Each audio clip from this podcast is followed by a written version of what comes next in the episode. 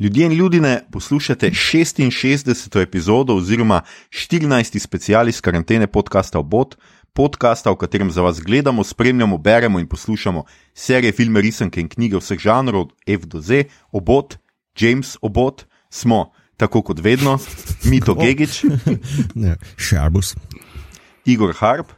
In uh, moja malenkost Aljoša Harlamo, tudi tokrat brez gosta, ampak nič manj gostobesedni.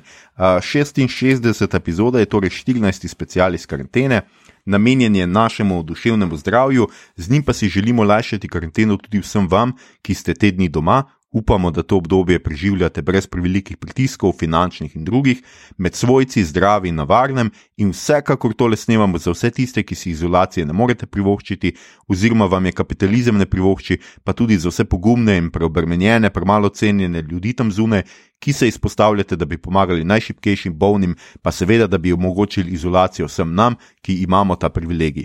Hvala vam, tega ne bomo in ne smemo pozabiti. V tokratni epizodi bomo počastili kariero škotskega filmskega igralca Sra Šona Connerja, ki je umrl 31. oktober, star 90 let in v svoji karieri nabral Oscarja, dve nagradi BAFTA in tri zlate globuse. Skratka, če tudi gre večinoma za filmske klasike, za kultne filme, vseeno velja standardno opozorilo, epizoda bo vsebovala kak kvarnik ali dva, če tudi se bomo skušali temu izogniti, ker tole snemamo tudi zato, da vas povabimo k gledanju. A, vsak od nas je izbral po tri filme filmske legende, gotovo pa bomo omenili še kakšnega. Maestro, zaigraj nam eno z dudami. La!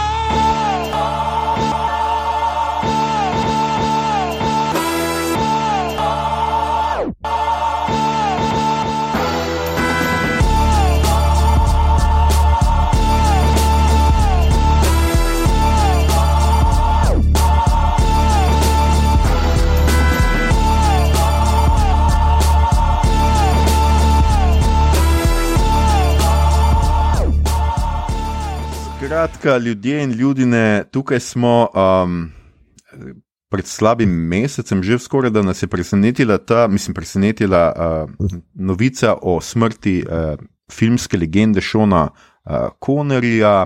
Um, verjetno smo mogoče celo malo že kar pozabili na ne na zadnji njegov zadnji film, že od, pač od njegovega zadnjega filma je vendarle minilo.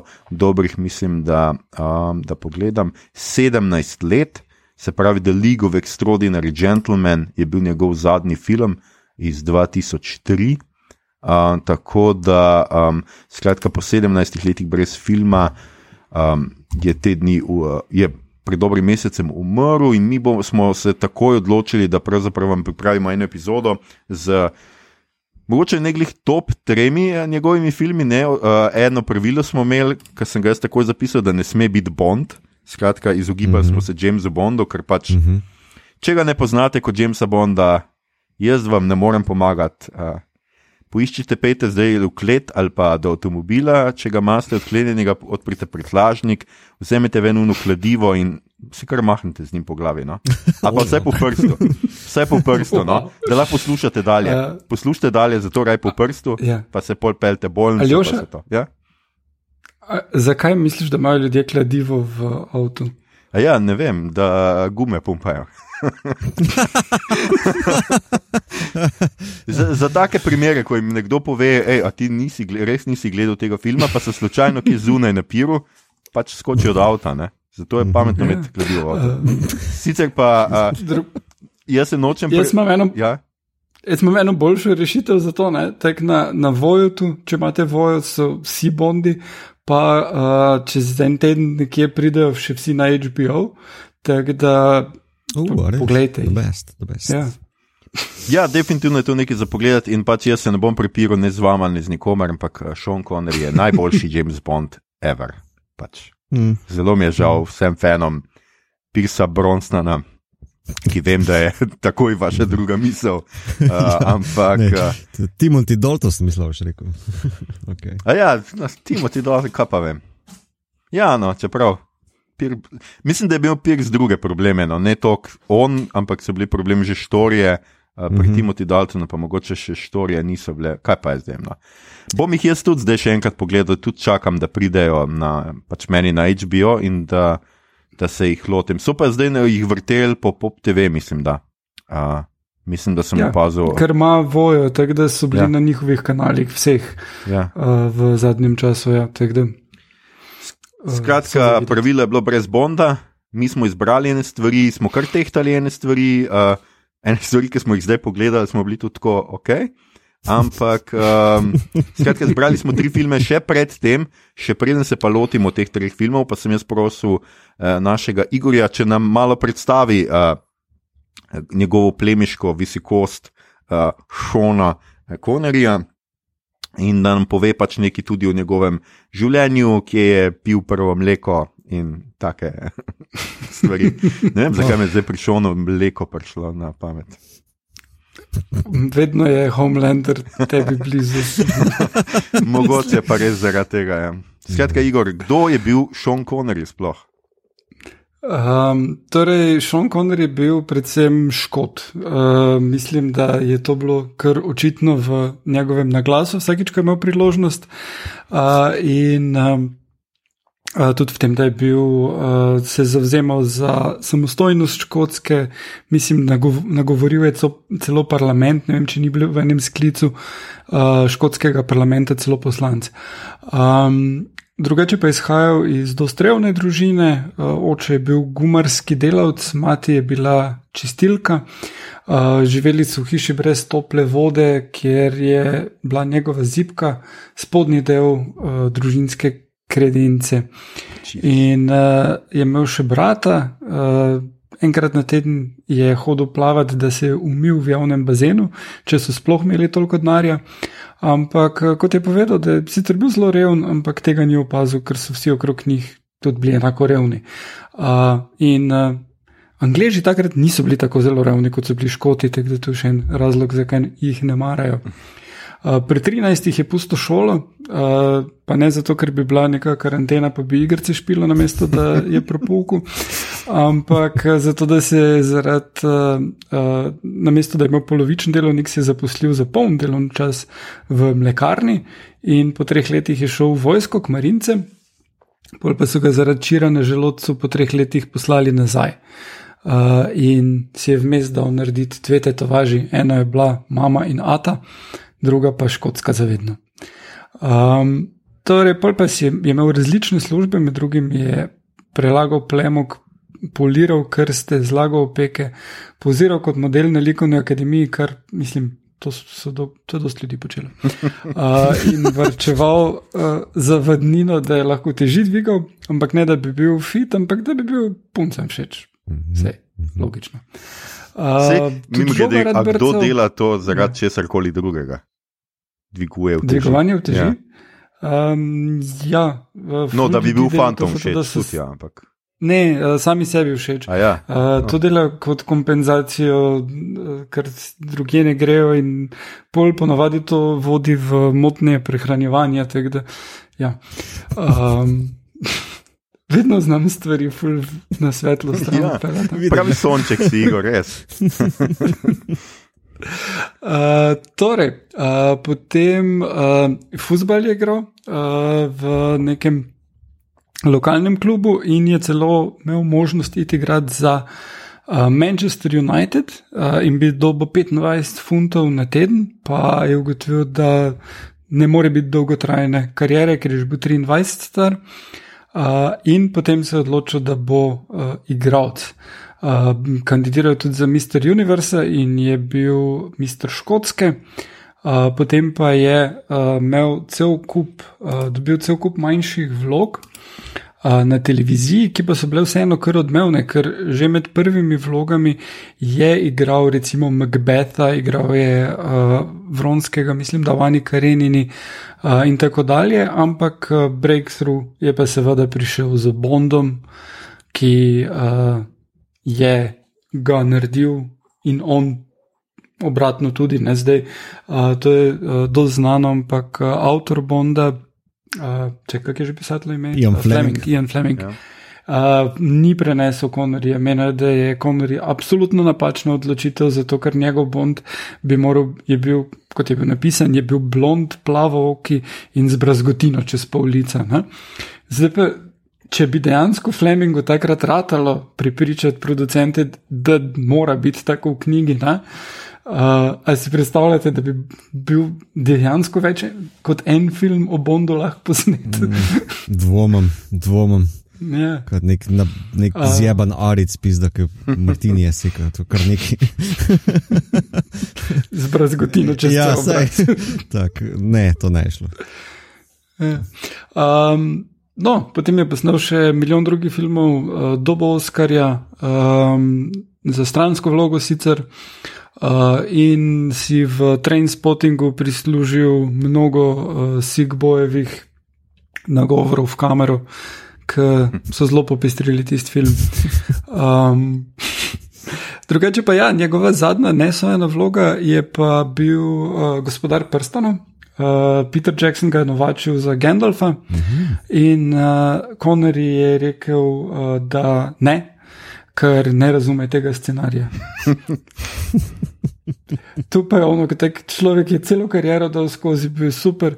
Res da na koncu, uh, pred smrtjo, zadnjih par let je imel demenco, ampak uh, 99. ko so začeli delati tega uh, uh, gospodarja prstanov, je še bil čist priseben in vse aktiven v javnem življenju, ampak uh, gospodarja prstanov pa ni štekal.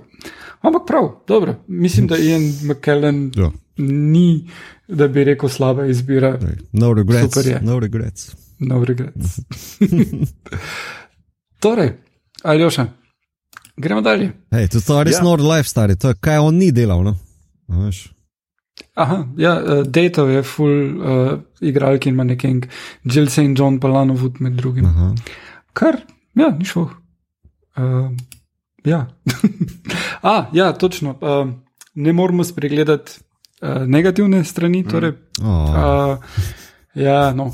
Tip je dal intervju v Playboyu, uh, kjer je med drugim omenil, da je treba ženske tepst in kako to narediti in v kakem primeru. In ko so ga v 80-ih, mnogo let kasneje, vprašali, kaj meni o tem, je rekel, da si njim ti malo premislil. Uh, in uh, da ja, žensko je treba udariti z odprto roko, nikoli z členki, ker jo lahko poškoduješ, in da jo udariš samo takrat, ko uh, ti res preseda in ti najeda. Uh, in ne vem, kaj ti mora biti, da imaš tako mnenje. Um, smo pa zdaj, tu vseeno ni čist ista dilema, kako uh, ločiti med avtorjem in um, njegovim delom. Mm. Ali se mi zaradi tega zamerijo njegovi filmi ali ne. Zdaj, osebno imam bistveno večje težave z glasbo R. Kellyja ali pa Michaela Jacksona zaradi stvari, ki sta jih naredila, ker jih dosti bolj opaziš. Medtem ko pri igravcih je vseeno to, da igrajo nekoga drugega. Ne. Kar meni osebno pripelje drug problem uh, Connorja, ki pa je to, da je tako dober bil v tem v igranju, ne, da je z, skozi lik Bonda.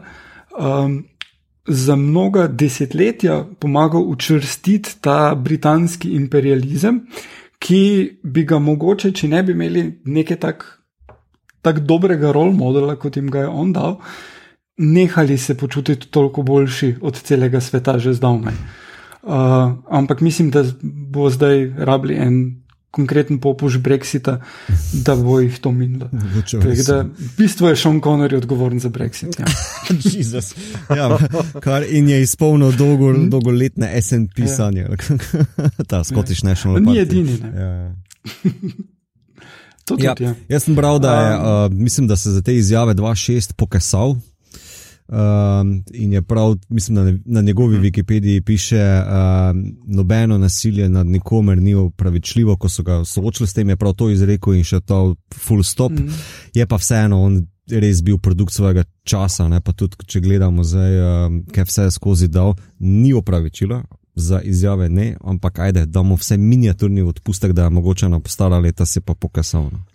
Evo, čist malo, da bomo stopili v Ja. plan tukaj. Um, Cool. Uh, gremo torej navaliti kar na filme, Ja, ki smo jih izbrali. može. Uh, mislim, da je najboljše, da kar gremo počasi na filme. Skratka, uh, imeli bomo tri kroge, da, tako kot ste nas že vajeni, in v vsakem krogu bomo uh, skratka. Bo vsak od nas povedal. Predstavo en film uh, našim poslušalcem, uh, ki vas že zagotovo zelo, zelo zanima, seveda, če si niste v opisu epizode prebrali, um, kaj smo izbrali. In prvi je na vrsti Igor in njegov uh, cool. film. Uh, torej, Highlander. Ne, ne, ne mogoče. um, ja. Torej, Highlander je uh, ameriški film uh, o fantazijski, o teh nesmrtnih uh, vitezih, ki, ali kaj jaz, da so vitezi v drugem filmu, bolj vidiš, da so vesolci, se vseeno pustimo za drug film, uh, ki se bor, borijo. Uh, in potem si mora glavo, moraš šonemu, ki ga premagaš, glavo odsekati in dobiš njegovo moč. Uh, zdaj uh, Sean Connery igra mentorja glavnega junaka, ker to gre za. Uh, en film iz njegove kasnejšega obdobja, ko je pogosto igral mentorje. Uh, In sicer moj ime je Ramirez, glavni junak, torej naslovni Highlander, pa je Conor McLeod in ga igra Christopher Lambert, ki ni niti malo škote. Uh, za razliko od McConorja, ki, ki je škot in igra nekoga, ki je španc. Ampak ok, takrat si s tem izdelal. Zdaj ti z baby. ja, ukvarjali. Um, film je krasno krasno posnet, uh, ima odlično glasbo, ki so jo Queeni napisali, uh, vizualno, kako se stavlja štorijo, ki sega od srednjega veka do sedanjosti, malo sem pa tja skače, je res. Super je sestavljeno. Vem, da se spomnim, ko sem prvič gledal ta film kot otrok, ki mi je bilo prav fascinantno, te preskoki, uh, pa tam on wrestling in vse tisto. Um, In, in je bil takrat en mojih ljubših filmov, ko sem ga videl. Ne. Zelo, zelo me je, je pustil močno vtis name. Uh, in um, zdaj, če se osredotočimo bolj na Konorje, ta njegov lik je uh, pač mentor temu glavnemu enako ene. Um, slabo tretjino filma, nekje je not in ga imate le trening, montaž in vse te stvari, ki pač vsak pravi, etis film mora imeti. Uh, In uh, super izide, in potem tudi njegova junaška smrt, ki se žrtvuje, tudi uh, krasno uh, zrežirana, odigrana. Mm. Super. Mm. Edino, kar je resen problem tega filma in Šona Connery z njim, je, da obstaja Highlander 2, kjer se Šon Connery iz nekega razloga spet vrnil in, in še enkrat igral Ramireza od mrtvih starega, ki. Ja. Gremo dalje. There can be only one, twice. ja. No, tako jaz sem ga sicer zdaj nedolgo tega pogledal in moram sicer reči, da ne delim tega navdušenja z Igorjem. Meni, mislim, ja, posnet je že v redu in tako, ampak igra je še kar slaba. Um, ene stvari so res tako hecne, ne, vem, ne bi reči, eh, raje govorim, mislim, ta smrt Šona Konorja je tako, zgleda tako, ne na blesavo, vse skupaj. Mi je pa všeč ta geovska romanca med Šonom Konorjem in Kristoferjem Lambertom, mm -hmm. njuno mhm. tekanje z roko v roki in občutenje, kako že imenujete, to zdaj sem pa pozabil. Je, Jelena. Ja, čutite Jelena, pa kako rečete temu trenutku, kako že on temu reče, sinh, reče sinhronizacija ali nekaj tako. Skratka, Tako, no, men, res, res, res. Uh, super, mislim, drugače pa režisersko se pa strinjam. Posebej ta uvodni prizor, ko gremo na ta wrestling. Um, In vidimo tam Lamberta mm -hmm. sred pač te publike, vsi so neki skačejo v luft, samo on gleda tako pač kot Lambert, bolj ali manj gleda ja. cel film. ja, uh, in je tiste kul, cool, pa ta preho nor prehod je tako, uh, pač ta garažni dvoboj, dva se kar neki zmeči, fajta, in si tako, what the fuck se dogaja. Mm -hmm. Pol pa gre kamera pač gor uh, v sten, v strop. Uh, seveda, garaže in pride ven na škotskem leta, pač takrat, pa takrat. Mm -hmm. In si sam tako, wow, baby. uh, Ne, zelo vredno je. Mislim, da pač, uh, kar se tiče uh, same koreografije, mm. uh, mislim, da pač je ful to področje, ki je napredovalo v akcijskih filmih, blazno od takrat in to potem brez teh nostalgičnih očal izpade malo češko. Ja. Medtem ko Lambertova igra pa za nič, ja, itek. to pa mislim je vedno. Ah, ne, no, da je pusti, ampak ima boj, no, ne vrejo. Meni, meni je tako, joke, ne, meni je taki razkorak, uh, ta lik tega McClouda, ki je ne vem, kakšen hud BDS, ker on na koncu dejansko postane The One. Mm. Uh, ampak ta njegov mm. glas je tako v razkoraku s tem celotno pojavo ali pa likom.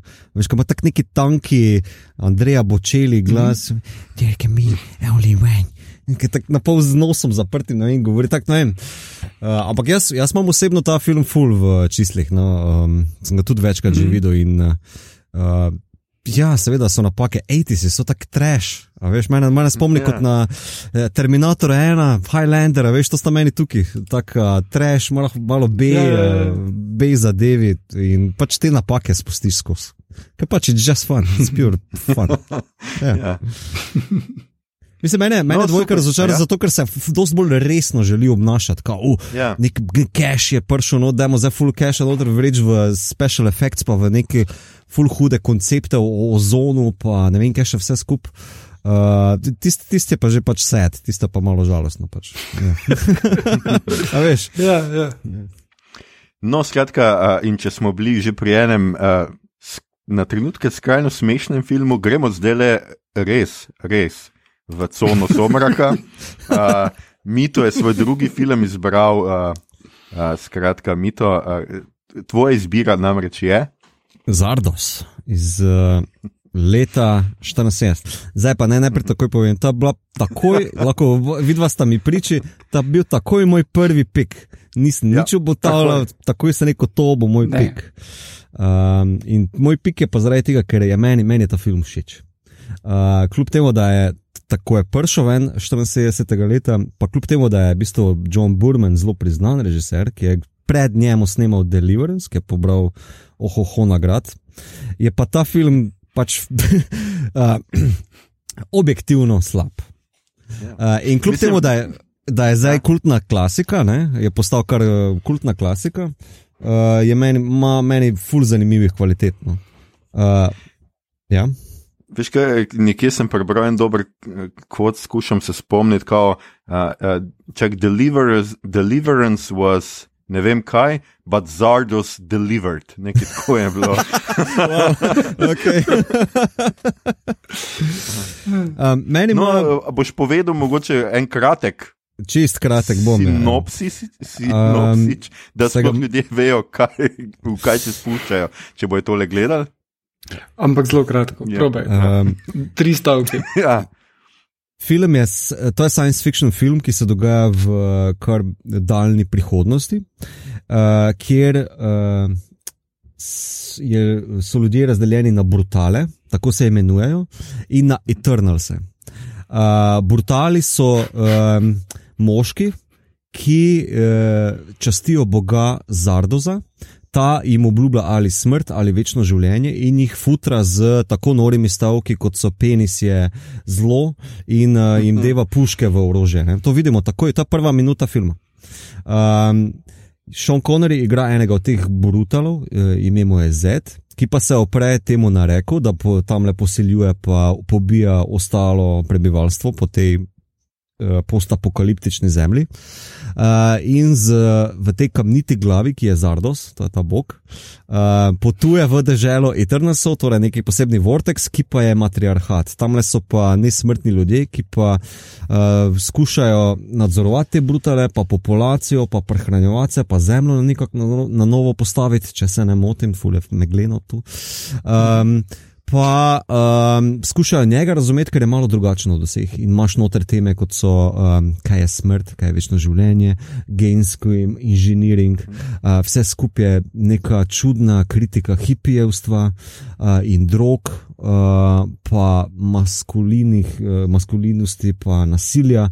Uh, skratka, uh, ima full hude teme noter, zanimive za tisti čas, še posebej pa ima vse meni zelo taki en, eh, pozor, seksi pristop do uh, nekega science fictiona, ki ga je za moje pojme, a veš, Star Wars leta 77 zelo zakoličil. Ta look, ta izgled mm -hmm. uh, science fictiona je že 40-50 let bolj ali manj isti. Zardos, ki pa tudi science fiction, je pa ful drugačen in zaradi tega ga tako cenim.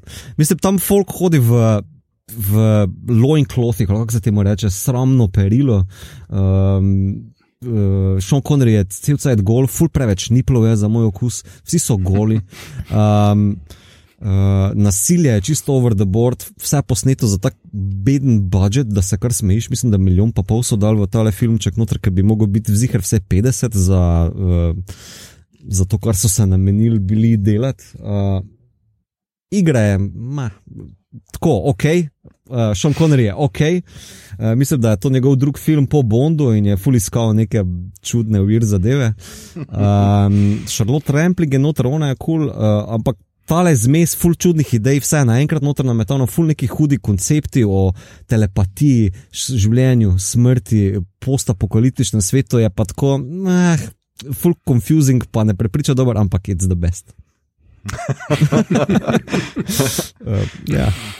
ja, jaz sem ga včeraj prvič gledal in moram reči, da mi je bil tako. Um, mislim, jaz sem, poznam pač Sean Connery, sliko Sean Conneryja iz tega mm -hmm. filma, kot to, vsi, to vsi poznamo. Poznajo, pač, vsi poznajo. Ja, v teh nekih. Uh, Uh, kaj jaz vem, je to Baywatch ja. kopalkah, ampak. Um, Veš, kako te boš rečem? Borat kopalke. Borat kopalke pred Boratom. ja, ja no, Borat kopalke, ampak. Um, priznam, da sem mislil, da je to samo nek jok znotraj filma ali ne vem kaj. Pol pa gledam tisto, sem bil tako, ok, to pa bo nekaj posebnega. In ja, bilo je nekaj posebnega. Mhm. Tako da. Ja, ja. Tudi jaz sem bil precej presenečen, ko sem gledal, ker uh, res je en kup stvari na medanih, uh mhm. -huh. kar prek eno prek drugega. Yeah. Ja. Ampak uh, mislim, da. da uh, Mislim, da to je film, ki ga moraš gledati v študentskih letih z ja. veliko podlage. Definitivno. Ja, ja. definitivno. Jaz mislim, da sem ga tam prvič videl po 17-18 tu nekje in meni je to čisto tvok. Um, ne, tudi zdaj, ko sem ga pogledal, pa ja, takoj te zmoti, naprimer, prva minuta, ki neka glava potuje proti tebi, proti ekranu, četrtemu zidu in razlaga, jaz sem Zardos. In bla, bla, bla, bla, bla, bla ki bi že ne reši sklopo, takoj, ko gledaš ta šit. Veš, ampak, ampak ne, to to je taki odfuk, tega več ne morejo narediti. Veš, to, to je biser. mm. veš, zato, zato se ga splača pogledati. Absolutno, mm. ga, jaz mislim, da se ga vseeno, vsekakor splača pogledati. No, tako da, mislim, tako, če boste rabili navdih. Ne vem. Ja. Um, ja, mislim, da je čist nore ideja od tega preveč brdavičk, pa do nekih ogledal, ki jih uporabljajo čist pretirano, pa back projekcij, zato da so neki full hudi, tripi efekti. Pa veš, tako tak je vse skupno metalo, da se kar smeješ. Kostume je delala Burmanova žena, kar tam le on-site. Um, vse so snimali na Irskem, že to mi je tako krizi, ker on bi mogel potem špilati nekega Irca, ampak Sean Connery nikoli ne špila nič drugega kot Škota, uh, ker on pač ne jebe na glase. Ne? Uh, in ne vem, pač to je res, meni je tako full huda bonanza. No? Evo, to, to. um, skratka, ja, mi to izbravci, dobra stvar, jaz sem bil kar. Um, Grem kar k svojim filmom, Lej, da odkud se ne bo šlo. Se nismo imeli kriterija kvalitete, rekli smo pač ne, ne, sej, vloge, pa jaz mislim, da je Sean Connery čisto ok odšpila, nič mm, ja, ja. groundbreaking, ampak tudi nič full slabega. No. Ja. Um, Skratka, jaz sem si za prvi film, vse tudi v resnici, ta prvi beč je kar uh, zanimiv. Jaz sem si za prvi film izbral Magni iz leta 64, to je psihološki thriller, ki ga je režiral Alfred Hitchcock, ki je drugače od mojih najljubših uh, režiserjev. Uh, posnet je po romanu iz leta 61, Winstona, Winstona Grahama, glavni vlogi sta pa Tipi Hedren in Sean Connery. Tipi Hedren se spomnimo, se spomnite tisti, ki mogoče marni niste gledali, seveda iz ptičev. Um, gre za tako imenovan neonoir. Uh, ob premjeri imel zelo slabe kritike, pravzaprav danes pa nekako velja za enega najboljših. Hitchcockovih filmov, čeprav ko sem ga danes nedavno tega pogledal, sem imel kar malo krinža. No? Skratka, to je zgodba o tem, kako neka tatica uh, ukrade, uh, zaposli se pri različnih, ponovadi ima pač ta en in isti način, zaposli se pri nekom, potem oropa sef in zamenja identiteto, ves denar pa pravzaprav nosi k svoji mami, na katero je bolestno vezana, mama pa je pač ne jebe 5 posto, tako da imamo pač tle to razmerje, no potem pa Sean Connery. Um, ki je igra nekega bogatega uh, vodje neke, neke firme, se ni v resnici niti važno, jo najprej seveda sreča v enem drugem podjetju in jo prepozna, ko se želi uh, zaposliti pri njegovem uh, podjetju in jo izsiljuje na koncu v to, da se poroči z njim. In uh, to naredi zato, da bi jo seveda ozdravil te njene. Um, delikvence, bomo tako rekli, uh, in ker pač uh, zelo hitro posumi, da je z njo nekaj psihološko narobe, ne prenese rdeče barve, uh, zelo se prestraši ob nevihti, uh, skratka, tako imam neke resne psihološke težave in on se to, v to vedno bolj poglablja, malo jo muči, malo jo se poigrava z njo. Uh, Zdaj sem hotel nadaljevati ta stavek z malo jo posili, ampak uh, Ja, točno tako hoče film to prikazati, ampak uh, pač to za današnje razmere je to še kar nenavaden film. Vse zato, da skratka bi iz nje naredil um, žensko, ki se ne bi več bala dotika, ki se ne bi bala moškega in ki bi pristala na neko svojo vlogo žene. Oziroma, partnerice, ker ona absolutno zavrača, tako kot njena mama, ki izreče ta zelo slavni citat: uh, A decent woman don't have need for any man. Uh, in je tako. Mm, pač uh, še kar, skratka, skratka cringy film. Um, uh, Tisto, kar je pa najbolj, kar jaz mislim, da ga pa res presega, je, da tle sicer Sean Connery je Sean Connery, ampak uh, Tipi Hedren pa res odigra sjajno in pa en prizor je noter, ki pač sodi v zgodovino uh, svetovnega filma. To je, ko gre Marni ropat sef. Um, in uh, pravzaprav vidimo dolg kader je. Uh, pač od, z velike raz, z razdalje snema, tako da zgleda skoraj da kot split screen, zato ker snema z dveh prostorov naenkrat in vidimo, kako po eni strani čistilka zelo počasi prihaja, tako da bo ujela Marni, preden bo ona zbežala iz sefa in Marni se sezuje, da čevlje, mislim, da v žep gre zelo počasi mm -hmm. po prstih in ta suspens raste, a, bo, a se bo čistilka obrnila in jo zagledala, potem je čevelj pade dol. In seveda ugotovimo pol tem v naslednjem prizoru, da je čistilka zelo, zelo naglušna. In je tako res, tako briljanten, briljanten prizor. Um, tako da to uh, se mi je zdelo pač uh, še kar filmo, uh, fino, drugače pa tako kot Hitchko, jaz mislim, da je to film, ki si lahko na vsake pet minut pišete kak uh, citat, uh, še eden mojih najljubših.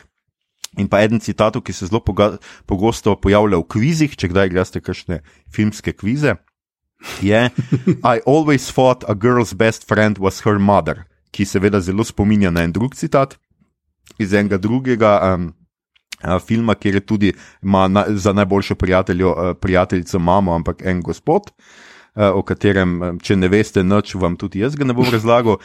Še boljši meni, najljubši citat pa iz tega, ko je pač ta Sean Connery nekaj zaslišuje in tako mi pa je: You Freud, me Jane. Ta se mi odpada. um, skratka, ima tudi nekaj tega dialoškega humorja, ki je tako značilen za res dobre scenarije te dekade, pač Hitchcockano. Um, ja, eh, jaz sem ravno včeraj pogledal film prvič, uh, ker nekako sem ga uspel uh, zgrešiti. Uh, in ja, zdaj, kar se tiče tega, da je eden boljših Hitchcockovih filmov, Hitchcock je posnel 70 filmov. Uh, zgodnja njegova karijera je ni tako ful dobro. Mm. Ampak uh, je, ima pa ogromno filmov, ki so zelo dobri in, in pač je v top ten. Še vedno.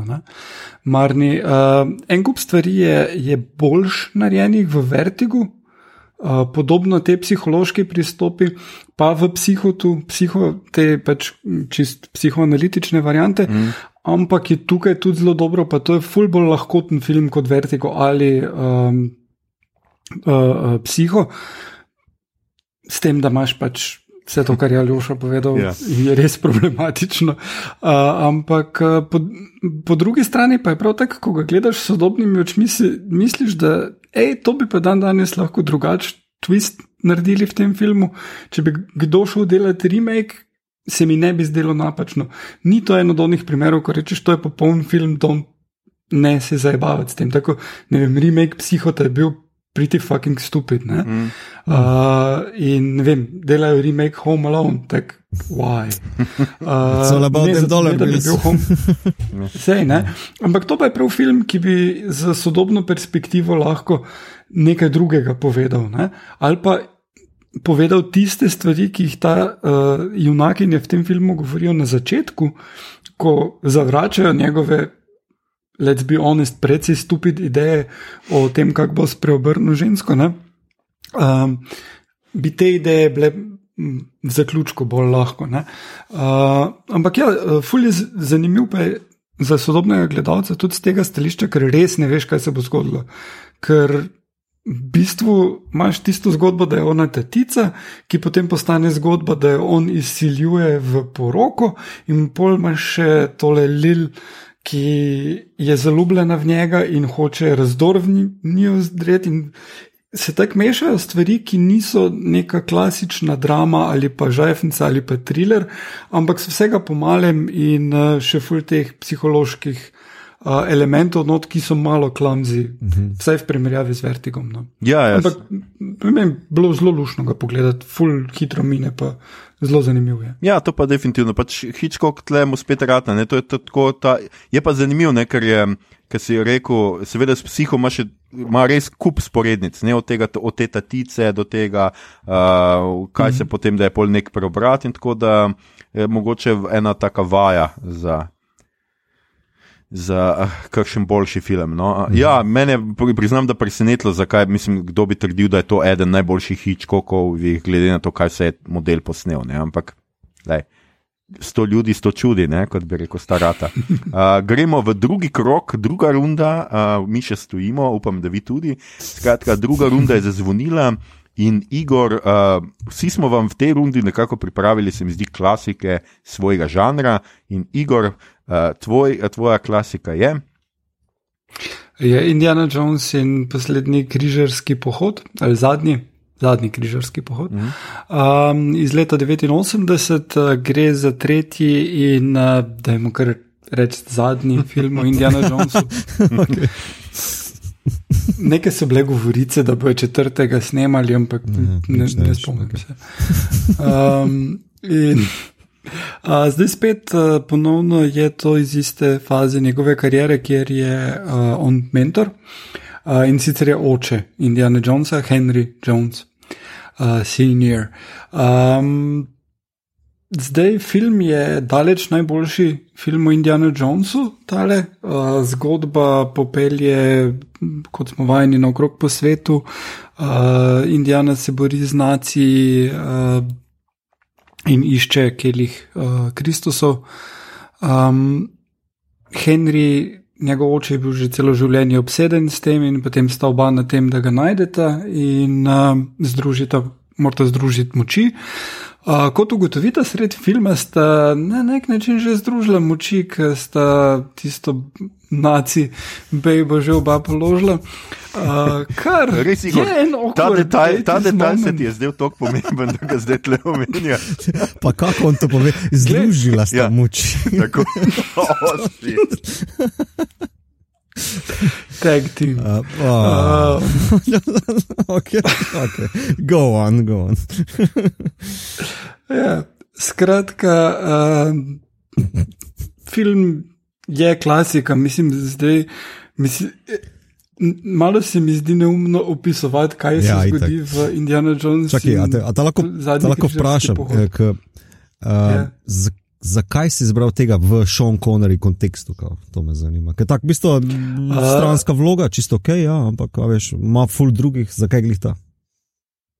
Uh, zato, ker on uh, v bistvu, kot sem rekel, to je najboljši film o Indiana Jonesu mm -hmm. in mhm. najboljši je zelo veliki meri zaradi njega, ker on doda en kles temu. Uh, Indiana Jones je v prvih dveh filmih uh, tako robot. Uh, vsi pa Karen v prvem filmu, v drugem filmu je Spielberg in Lukas sta zgubila totalno kakršen koli cultural sensitivity, ker tisto je čest racist. Ne glede na to, kako gledaš drug film, tako je na toliko točkah različnih, do različnih ras, just ima. racist. Ja. In potem tretji film, uh, pa se znebi vseh teh stvari in ima krasno. Uh, Postolovsko zgodbo uh, in prav, in, in full vredu komedijo, in full vredu antinaci vibe, kar mislim, da pač, hej, rabimo dan danes tudi. Um, in, in mislim, da Sean Connery za, za svojo m, prezenco pripomore k temu, ker enostavno v drugem filmu ne bi on pasal not, ne bi tak lik mogel v drugem filmu obstajati. Prvem je še prezgodaj, še mora pač Indi uh, se postaviti zase in, in kreirati svoj, svojo identiteto, ampak uh, tukaj pa mislim, da krasno uh, ga, uh, ne vem, grounda na nek način, mm -hmm. mu da podlago, temelj in, in krasno zaključi to trilogijo. Mm -hmm. Ta body, bi... ta body, body humor med njima, mislim, da kar rata. Imata eno kemijo tudi s Harrisom uh, Ja, Fordom. Uh, ja. Čeprav, če se prav Ja. ja. spomnim, a sta se ona dva marala ali ne, neki zdaj. Vem, da je bilo ali eno ali drugo. Mislim, da je sicer Harrison Ford zdaj ob njegovi smrti sicer povedal nekaj lepih reči o njem, ampak vedno je bila neka čež, da, da ste nista tok najbolj marala, kaj pa vem. Uh, drugač pa, Ja, no. jaz sicer moram tle reči, da meni se je sicer tretji zdel tudi zdel mal rasističen do arijske rase. Jaz mislim, da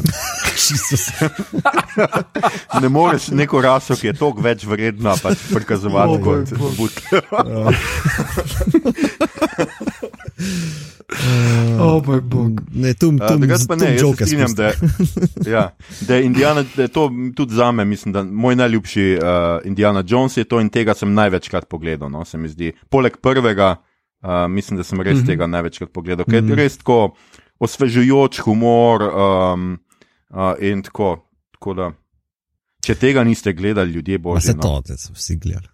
Ne, jaz, sa- jaz se čist strinjam z obema ocenama, meni je sicer enka ljubša. Um, pa ker si že uporabil ta kriterij zgodba, uh, je Fate of Atlantis video igra, ne, uh, Click and Point, uh, zelo dobra Ok. okay. zgodba Ja, z odličnimi se dialogi. strinjam.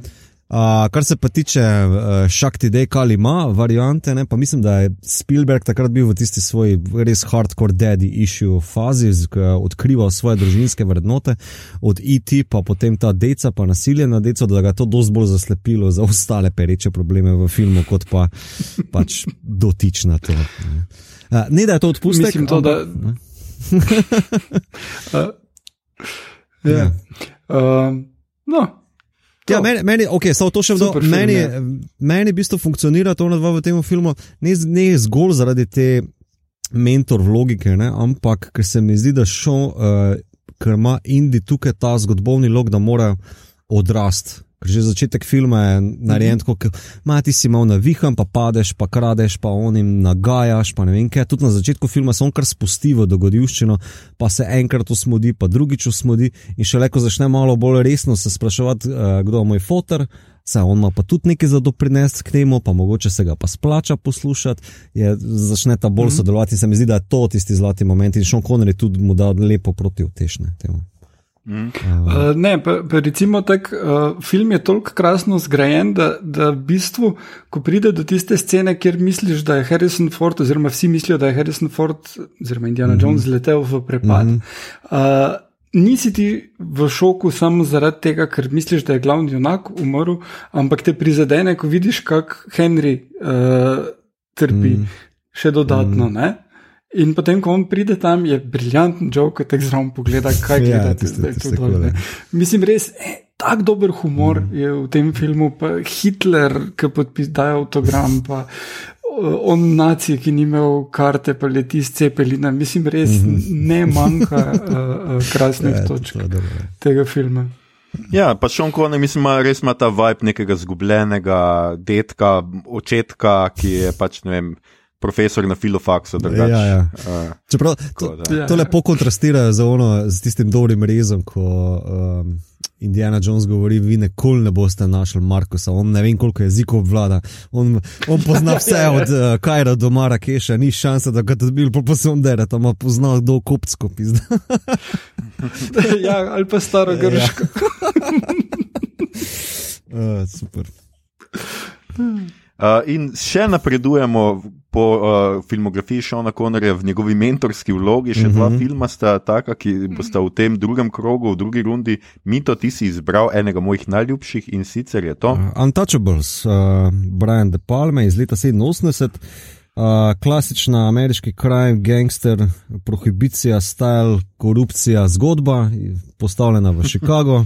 Evo, to skoraj vse že povedal. Zgodba pa je torej uh, Al Capone, ki je uh, vodja podzemlja v Chicagu in fura pač tale slavni booze ring, ali kako se temu reče, v času prohibicije. Skuša ga pa ustaviti uh, Kevin Costner, uh, oziroma Neil, mu je ime. Uh, on je direktor, ne, če je torej, on je agent Bureau of Prohibition uh, in mu enkrat, dvakrat spodleti, pol pa se spoprijatelji z uh, Jim Malonom, ki pa ga igra uh, Sean Connery in skupaj naredita task force, uh, da dokončno ustavita uh, Al Capona v svojih tirnicah. Ta, uh, zdaj, ta film je meni zanimiv. Ne vem, zakaj um, je full folka, naprimer enemu tu full ljub, ker smo imeli z njim kar probleme. Uh, in bom začel najprej s pozitivnim. Uh, Sean Connery je meni odličen in da dobo Oscar za to vlogo mi je še toliko bolj nor, ker on špila ameriškega irca z škotskim naglasom in mislim, da je to unikat v Oscarjevskih vlogah, da tako miskesta štipa, pa tip zmaga, no problem. Uh, ker je dober, odličen je. ne. Uh, potem originalna glasba, torej tematska glasba mi je odlična, režija mi je odlična. Um, Tudi uh, Brian De Palmenov, uh, mislim, vodenje celotne zadeve, vse do konca, ki je poklon še oklepnici Potemkin, tale borba na stopnišču, ne, je čisto skoraj copy-paste tega. Ne. Mislim, malo more bo. Poklon, ripo. Ajde, recimo, jaz rečem poklon, ker glih kader za kaderček ni. ne. A, torej, uh, um, ta eh, z- tema uh, korupcije, pa dokot lahko zakon prepelaš, da ustaviš nekoga, ki je ful slabši od tebe, kaj si pripravljen žrtvovati, zato mi je zanimiv. Uh, kljub temu, da mogoče Boter to boljše izpelje, uh, oziroma kontrastira glih malo drugače. Uh, Robert De Niro je izjemen. Uh, Kevin Costner, meh, tako, tako izjemen. Rečemo. Um, fotografija mi je odlična, veš ta diopter šit, ki ga noter da, to je meni vedno zabavno, pa špasno. Me pa ven vrže glasba, ki je vmes za filer. Dana. Ne morikone, morikone teme so odlične. Ne, že intro glasba, pa naprimer Smrt Malone, ko ga pokusi pod uh, Tomi uh, pištolo, tisto je vse izjemno. Ampak vmes pa so eni ti anahronistični pristopi, ki so me tako metal ven iz filma, da, da, me, da, da sploh ne morem verjeti, da je to dovolil, da, uh, da se tako posili ta luk, pa ta pristop. Ker uh, kostumografija, produkcija, morikone glasba celo, pa ajde fotografija, so se nekako skušali približati uh, nekemu, nekemu avtentični. Uh, sliki, no, sem tak izrazil. Pol pa imaš neki 80 synth pop noter, pa gledaš, what the fuck se dogaja, zakaj je to tle. In me meče ven iz filma, res me meče ven iz filma. Zdaj, če si pripravljen to spustiti, je izjemno, če pa ne, pa eh, škoda. Tako da, jo, to je moj take uh, Untouchables. Uh, ja, jaz tudi meni je to en boljših uh, teh gangsterjad, prohibicijskih filmov, varianta. ne. Uh, me je pa ful zmotilo kasneje, ko sem pač videl, koliko je tu pač dejansko zlagano vse. Ne. Mislim, čist tak končen twist ne, je, da so porotniki A ja, to misliš? Ja. In potem, to recimo, ne, to je tako ena malenkost, in potem sodnik reče, da je te pripeljati ono poroto od tam. To, to je illegal, kompletno. Ja, jaz ne. ga sploh, uh, Ampak, viš, jaz ga sploh nisem jemal na ta to- verističen način. Ne, pač, ne, ne, ampak. eh, Še, še večji problem pri celi stvari pa je, da je to na podlagi Nesovih um, mem memoarjev. Ne? Nes ni bil posebej dober policaj, uh, je pa hitok the big game, kot bi Aha. se temu rekli, ne? tip je bil player. Uh, in dejansko večina akcij, ki jih je on, ta njegov task force delal, nima nobenega efekta. Ne? Tisti računovodja pa nima veze z njimi. Mm. In polko ga je tisti računovodja pomagal, uh, pač tist, ni bil samo en računovodja, ampak cel oddelek in kup ljudi, ki so temeljito delali, tako kot resnični policaji delajo, da pač temeljito pregledajo stvari, najdejo dokaze in potem vložijo obtožnico. Uh, tako, uh, medtem ko so oni pač se streljali, malo naokrog, pa štalo delali. Zdaj mogoče so pomagali odvrniti pozornost ali karkoli takega, ne? niso pa skrivali onega računovodja ali karkoli takega. In, in mm, pač, no. En kup stvari je tukaj, ki uh, promovira tole idejo, da policaji so tisti, ki bojo pretepli par ljudi, pa dobili odgovore, namesto da dejansko, kot se je zgodilo, da so policaji, ki so zaprli Al Capone. Ela Capone, tisti, ki uh, so upravljali delo, tako kot ga resnice policaji upravljajo. Tam, in, se ja. iz, in, in se mi to zdi iz ene propagandističnega vidika, zaradi tega problematičen film. Ampak, okay. mislim, that being said, lahko ga gledam kadarkoli. Viš, zanimivo, se meni je dober, ampak jaz ga sploh nisem gledal na ta način, da bi zdaj bil, a ja, to pa zdaj zgodovinsko natančen popis eh, tega, kaj je bilo, ali pa da so se policaji res tako obnašali. Ampak že na začetku mi je, ko malo v njemu reče v cerkvi, uh, lej če te on udari, ga ti dvakrat nazaj, če on pihne enega tvojega, ti pošleš njegove v mrtvašnico, kako daleč si pripravljen. Niti in to je bila tema filma. In sem gledal, v bistvu, itak, da, da je mhm. šel overboard, pa Kevin Costner oziroma Neil, kaj je pripravljen narediti, pa kaj, kako bo svojo družino zaščitil. Mislim, to mi je bila bolj zgodba kot pa vem, zgodovinski prikaz, ki pa itak ni bil, kar pokaže z, z na mestoma čudno fotografijo, pa seveda z obupno mestno glasbo, morikone, respekt, ampak ne, to sploh nima s tem veze. A veš, to hoče povedati, da. Zanimivo, jaz ga nisem na ta način gledal. No? Veš, nisem imel tega viba, da je pač za to propaganda. Hm. Ja, mislim, vsi policijski filmi, ameriški, so propaganda za ameriško policijo, pa vojaški za vojsko. Beverly Hills Cop. Ja. Absolutno. Beverly Hills je najbolj od vseh. Ja, sploh dvojka. Ja. Drugače pa je to, to je pač eden mojih najljubših ja. filmov, zato ker sem imel. Uh, Mislim, da sem na tem podkastu že omenil, da sem imel uh, včasih dinozavrsko fazo, pa ne vem, kakšne faze, mhm. vse. Mhm. No, imel sem tudi gangstersko fazo, uh, kjer sem pač se kot otrok zelo rad igral. Uh, gangsterje, s Sergejem smo se ponovadi uh, lovili z avtomobili, ki so bili takrat v Kinderječkih ti avtomobili, ki izgledajo točno tako, kot ti iz te dobe. Skratka, mm -hmm. z 50-ih yeah. Ja, ja. ti avti so bili v taki notor. In pa gledal sem serijo z naslovom Wise Guy, ki je mm -hmm. serija iz let. Iz let um, 87 do 90 se furala in kjer sem uh, prvič srečal Jonathana Banksa, ki je, takrat, ki je od takrat eden mojih najljubših takih karakternih igralcev. Spomnite se ga seveda kot eh, Majka Erman Trauta iz Breaking Bad, oziroma zdaj v Better mhm. Call Saul. Uh, in pač tam je bil, to je bil eden mojih najljubših takrat serij, in polk sem gledal prvič ta film, mi je, bilo, mi je bil pač top in eh, pač uh, Sean Conneryjeva smrt. Ne, um, me pač zelo prizadela, to se mi je zdelo pa res, res grdo. Zmeri sem tako na pol jokal, zakaj pa morajo njega biti, zakaj ni tega grdega Kevina Kosnerja. Zato, ker ima njegov lik družino. Ja. Vse vem, vse vem, presnete družine. No. Skratka, nehajmo se spraševati, kdo od nas treh bo prej dobil COVID. Dalje. Oziroma, kdo ga bo preživel. Uh, jaz sem potem zbral uh, še en film, v katerem igra, seveda, Sean Connery, starejšega mentorja, kot je temu Igor rekel, uh, ime Rože iz leta 86. To je italijansko-nemško-francoski film, um, režiral ga je uh, Jean-Jacques Anno. In je seveda posnet po, spet po knjigi, to je uh, prekrasna knjiga um-, Umberta Eka, še eden mojih najljubših, najljubših, ena mojih najljubših knjig, pravzaprav iz uh, mladosti. V njem pa spoznamo še Šona Connerja kot uh, frančiškanskega meniha po imenu William of Baskerville, uh, ki se skupaj s Kristjanom Slaterom oziroma njegovim, seveda, uh, uh, kako se vajencem Atsojem iz Melka odpravi v nek. Um, v nek samostan, kjer bi pravzaprav naj potekala neka teološka debata o tem, ali uh, mora biti crkva uh, revna ali ne. Mislim, da že vnaprej vemo, kdo je izgubil to teološko debato.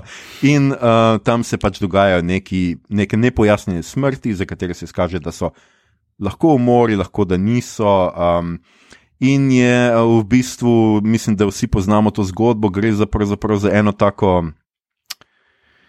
Um, roman je skrajno postmodernističen, ne? sestavljen iz številnih citatov. William od Beskrvil je seveda referenca na Beskrvilskega psa. Um, um, Konana uh, Doyla, oziroma na eno izmed Holmesovih pripovedk, uh, njemu več čas govori svojemu vajencu, dragi e-, Edson, mm -hmm. kar je seveda podobno, dragi Watson, in tako naprej. In tako naprej imamo noter uh, uh, meniha Jorgeja, ki je seveda Borges uh, in dela v labirintu, ki je knjižnica, kar je iz njegovih zgodb, in tako naprej. In tako naprej. Seveda film vseh teh uh, nivojev ni mogel ohraniti, ne? to je bilo že več čas jasno, da je to praktično uh, nemogoče, ampak jaz mislim, da ni. Meni se nikoli ni zdel ta film tako slab, kot so vsi uh, trdili. Um, Eko sam je sicer rekel, da je knjiga kot uh, sendvič z uh, šunko, salamo, uh, paradižnikom, sirom, uh, solato, ampak da potem uh, film izbere samo solato in sir, ostalo pa vse vrže stran, uh, je pa lep film. No? To je, bil njegov, um, okay. to je bilo njegovo okay. mnenje. Um, Meni se zdi, da pač tisto, kar od tega filma res dobimo, je en tak. Um, Sicer jaz vem, da je precej stereotipen, ampak res tak pogled na ta mračni srednji vek, kjer se znanje bori z neznanjem, uh, kjer so ljudje še na pol živali. Uh, in pa ta menihi so mi. Ja, res. Ja, menihi so mi res. Predstavljam si Romana Vočanka, kako se uh, reži ali pa kriči tam s tem, ne vem, vuku jebi. Mislim, da bolj to drugo. Ja. Um, skratka, in pač te menihe pokaže, kot pač res, ko neki, vsi imajo neki starci, so uh, pedofili, um, grbavci, uh, bivši neki blasfemiki in tako naprej. In tako naprej. In to vzdušje, mislim, da sjajno, um, sjajno, še kar sjajno prikaže, no, uh, pa to pač inkvizicijo in to ampak um, mislim, da je tisto, zaradi česa imam jaz rad ta film, je pa še vedno, da čeprav ne uspe vseh teh levelov iz knjige ven potegniti, pa ohrani ljubezen do knjige kot neko osrednjo točko tega filma. In tu je pač meni tisto, kar je pač najlepše pri tem filmu. Ne? Recimo, eden mojih najljubših dialogov je um, Aco vpraša Williama, uh, Master, have you ever been in love? In reče William, in love? Yes, uh, yeah, many times. In Acer reče, you were, in reče William nazaj, yes, of course, Aristotle, Ovid, Virgil. Pač, ja, skratka, ja. tako in potem, in tudi ko pade skozi unu loputo, moj najljubši prizor vseh časov, eden najljubših prizorov vseh časov, je, ko Sean Connery pač po tej knjižnici bežita ven iz goreče, mislim, da knjižnice, ali pa ne že prvič, prvo noč, mislim, da je to, pade skoraj da skozi loputo, se ujame za pač za jašek in se acujo, zadere, save the book. in mi je to tako lepo, mislim, to mi je tako lepo, pa ja, knjižnica gori in on vse, kar se trudi, je čim več knjig. Rešiti. Sploh se ne briga za se, za svojo brado belo, ki ima res lepo brado, da mu je ne osmodi. Ne, on hoče knjige rešiti. Pa če ni to lep film, kaj je pa lep film, res. Stari, to, da, da ima to posnet za kakšne, če izgubo službo, veš, kaj, kaj samo to pošle noter. za kakšno uredniško mesto. To, to. Ja. ja, se strinjam. Um, knjigo, ne vem, če sem knjigo jaz prebral, to vem. Ali pa če sem jo že oh, dolgo. Kakšna blasfemija. Ja, sorry.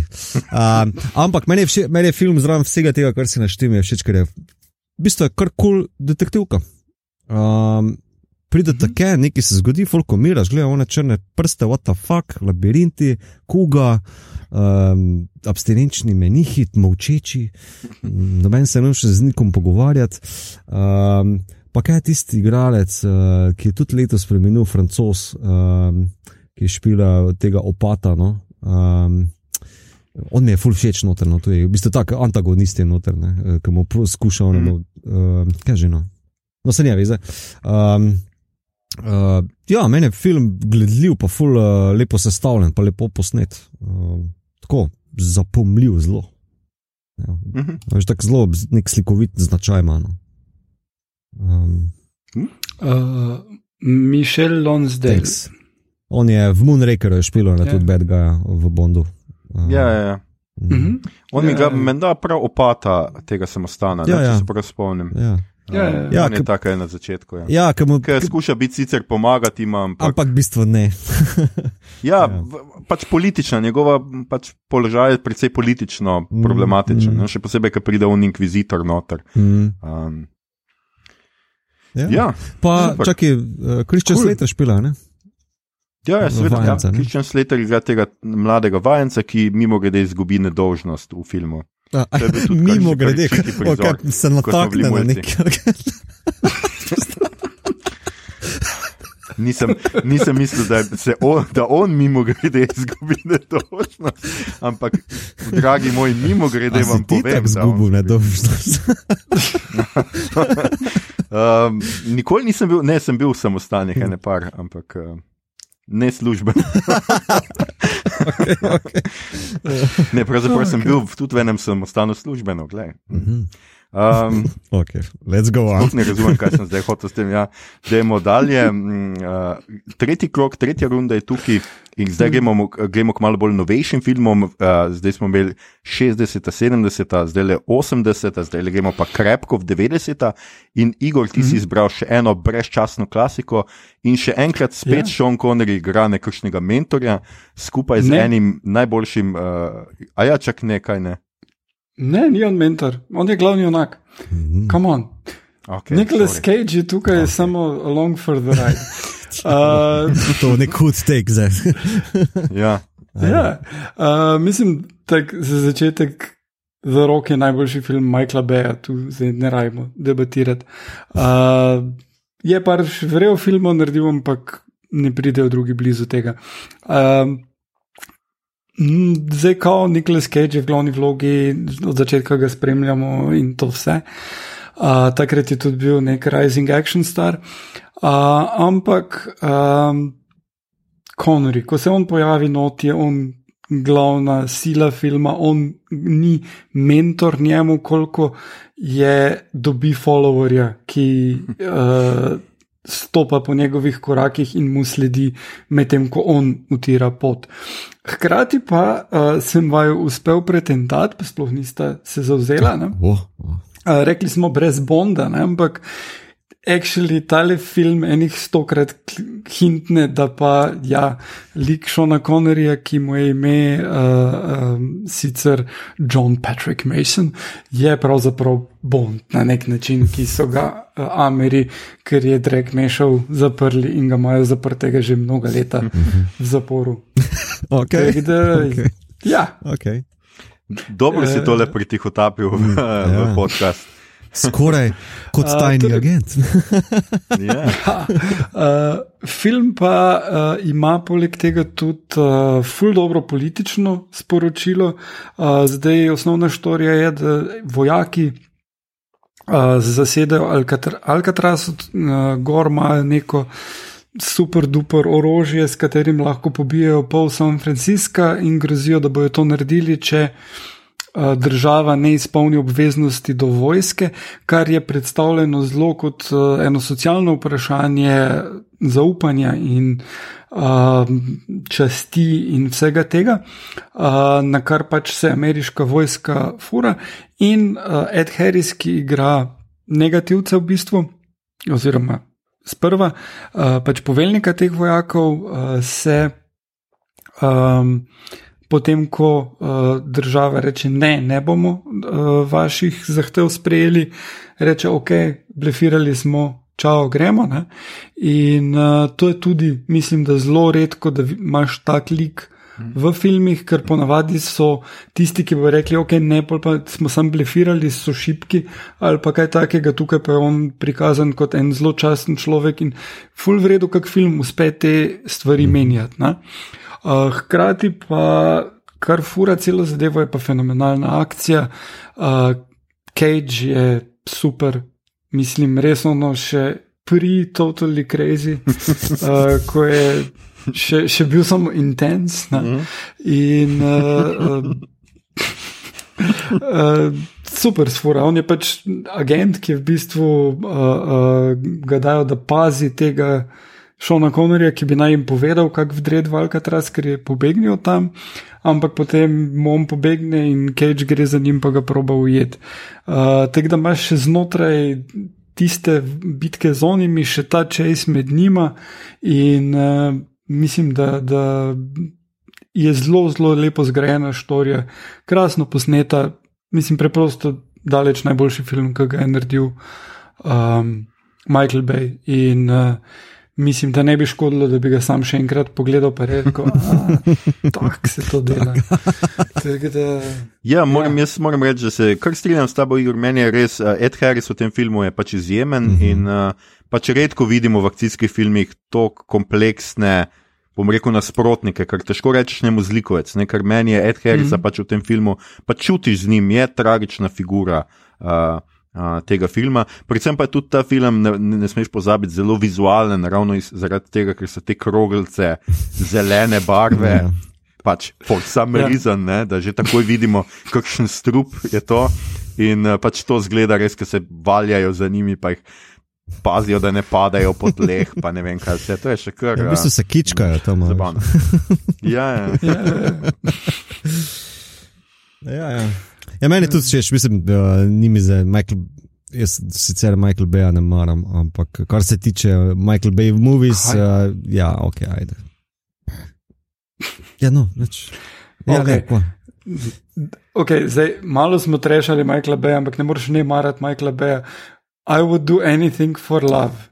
Michael ne, Bay. Fuck off, fuck off Michael Bay, crkven. Ja. Um, ne, bom pa, bom, bad boys in bad boys. Bom pa tako rekel, kao, lej, uh, ki si prej ti, mojega fanboja, uh, trešal, Nikola Skage. Tako ti je rekel. Če imajo Britanci Dame Judy Dench kot National Treasure, je Nikola Skage American National Treasure. Samo to ti povedal. a, a zato, zato je tistim filmom se reče National Treasure. ja. Definitivno je mišljen Cage. Jaz sem zmerno tako razumel. Kaj pa vna ustava, ja. pa tisti, ki je papir, ja, brez veze. Ja. Pa miza, ja. whatever. Ja. In tako tisto skurijo, kaj že neki s tistim naredijo. Sem že mal pozabil. Skratka, ja, ja. Uh, od uh, Nikola Sakejča k. Uh, Lorenzo Fishburnu, recimo, da je to segway.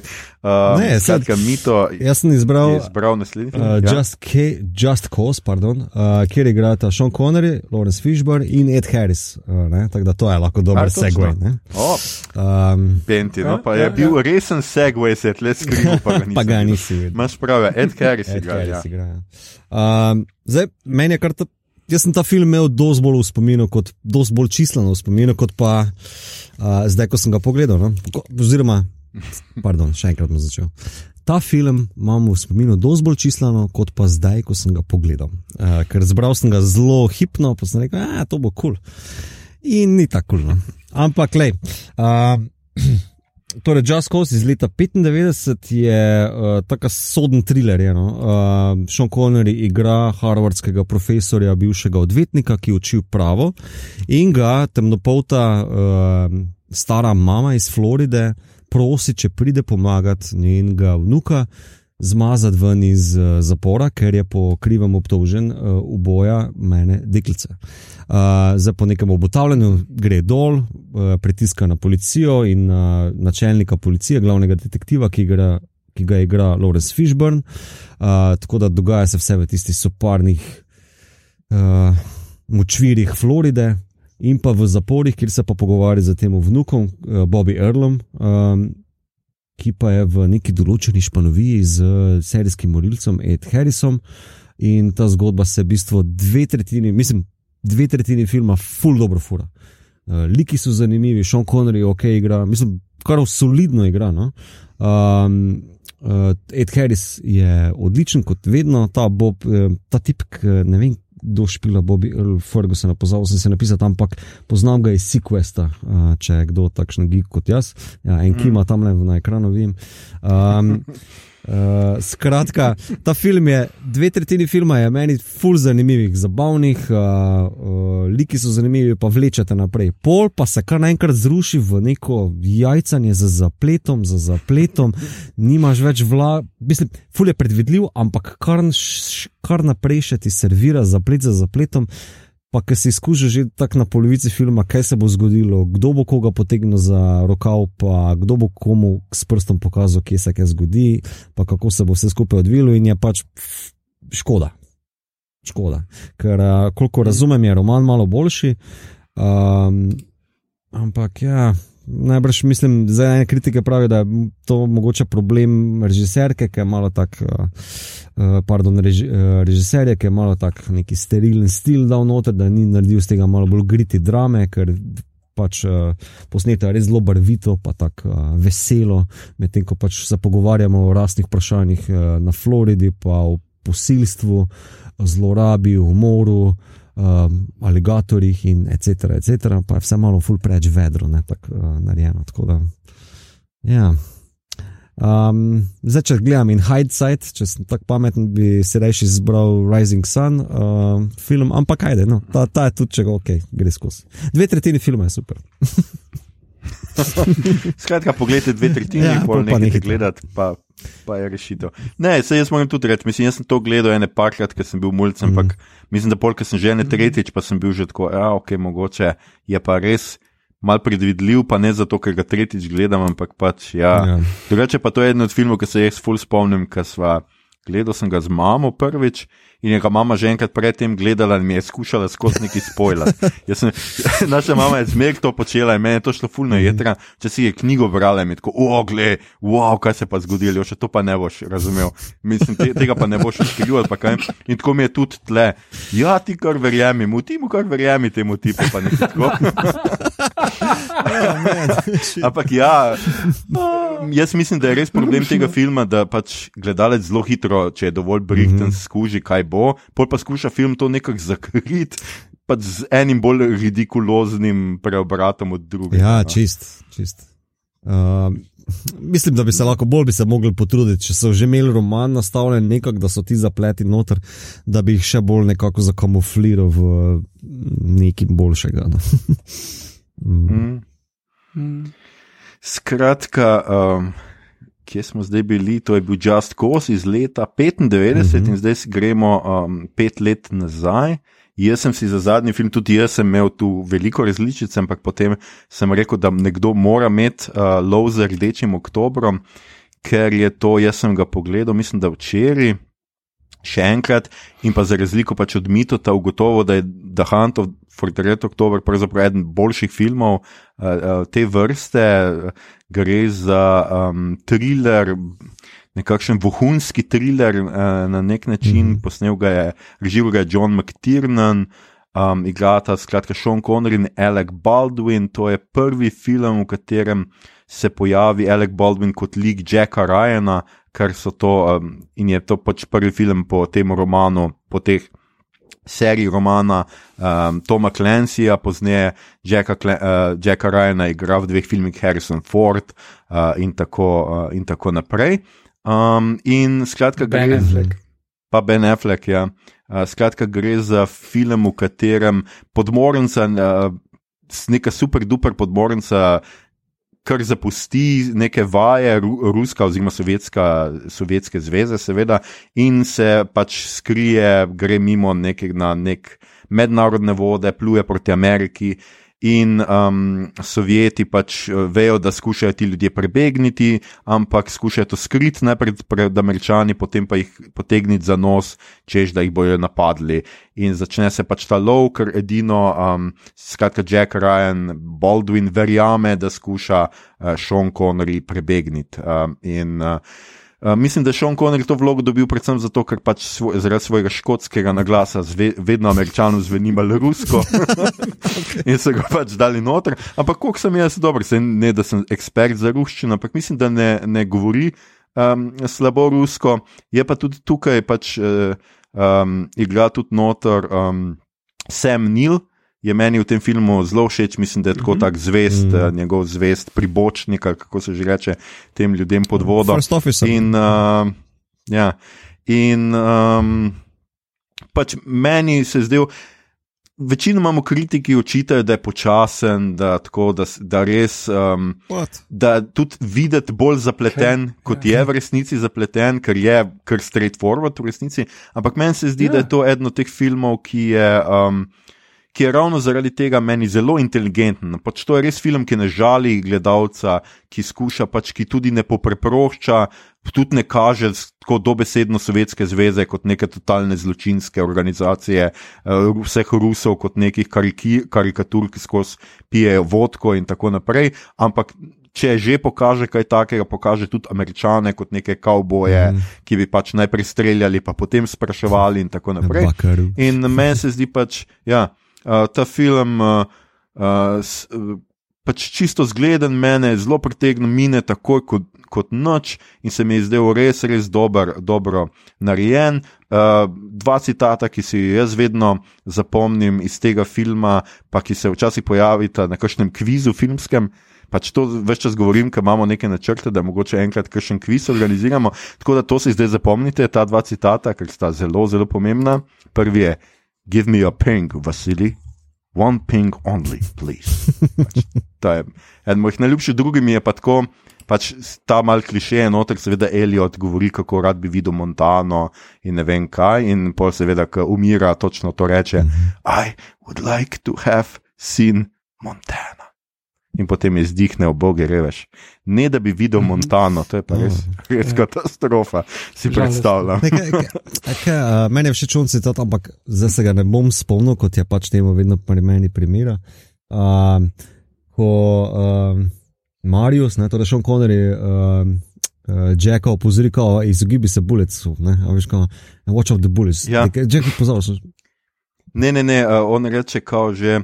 Uh, tu uh, pazi, kam streljaš, ker je veliko reči, ki niso odporne proti metkom. In pol, pol vem, pač, ko gre, kaj tudi jaz nisem ja, odporen proti metkom. Tam je, tam je, bila lepa. Uh. Ja, nasploh je to, čakaj, to je, uh, sem rekel, Maktirna, uh -huh. vse on je režiser. Um, um, Die Hard. Meni je, Die Hard, ja. meni je on. Uh, Ni samo, da je v bistvu mojster tega žanra, v tem filmu je v bistvu naredil še mogoče korak dlje uh, uh, v svojo obrtino. Uh, ker mm. meni film ni ne dolgočasen, ne plitek, uh, v bistvu ima noter fulejnih zanimivih zadev, ki jih lahko analiziraš, lep cajt pa se z njimi igraš. Naprimer, ena zelo počasna scena na začetku, ko se v bistvu iz ruščine v angliščino prevesi, naprimer, ali pa eni, ja. naprimer, tista meni briljantna scena. Uh, potem meni eni tihi, nižni trenutki, ko uh, se pogovarjata, torej uh, Marius pa uh, Sam Nil, naprimer, ne, torej Sean Connery pa Sam Nil. Uh, o tihih žrtvah pod gladino, zgledaš, what the fuck se je kar naenkrat v tem filmu zgodilo. Pa si misliš, to je konc filma, full preveč počasi za nek kao ta akcija, ampak ne, prav mm. na mestu pa. Pravilno izpeljano. Mislim, tako, ured, mm. kdo, Huntov, v redu, bi lahko imeli cel podcast, razumeš? Uh, toliko o tem yeah. se povedati. Ja. Bi, ja. bi povabljen že tako. Eh, ki je meni, da je to najboljši film ever. Ja, ni. Poleg tega, ja, to je. ja. No, Anžetu jaz čist zaupam, on je mojster za filme. Da, ja, eh, hotel sem reči, da ja, je McTigan pač... film. ja, uh, Jack Ryan. Eh, Jack Ryan ima le ene uh, poteze Johna McLeana, mm -hmm. no, mhm. pač to neko plazenje po oskih prostorih, pa skozi neki sam sebi govori. Aha, ja, ja. uh, skozi ima pač ja. teke. Uh, naslednjič pač jim pošli memo, pač kao to mislim, da izgovori ene štirikrat. Mm -hmm. um, to, ta prizor, ki se pa ga omenil, pa je tudi eden mojih najljubših. Ja. Uh, gre namreč za to, da se seveda Sean Connery in njegov politični.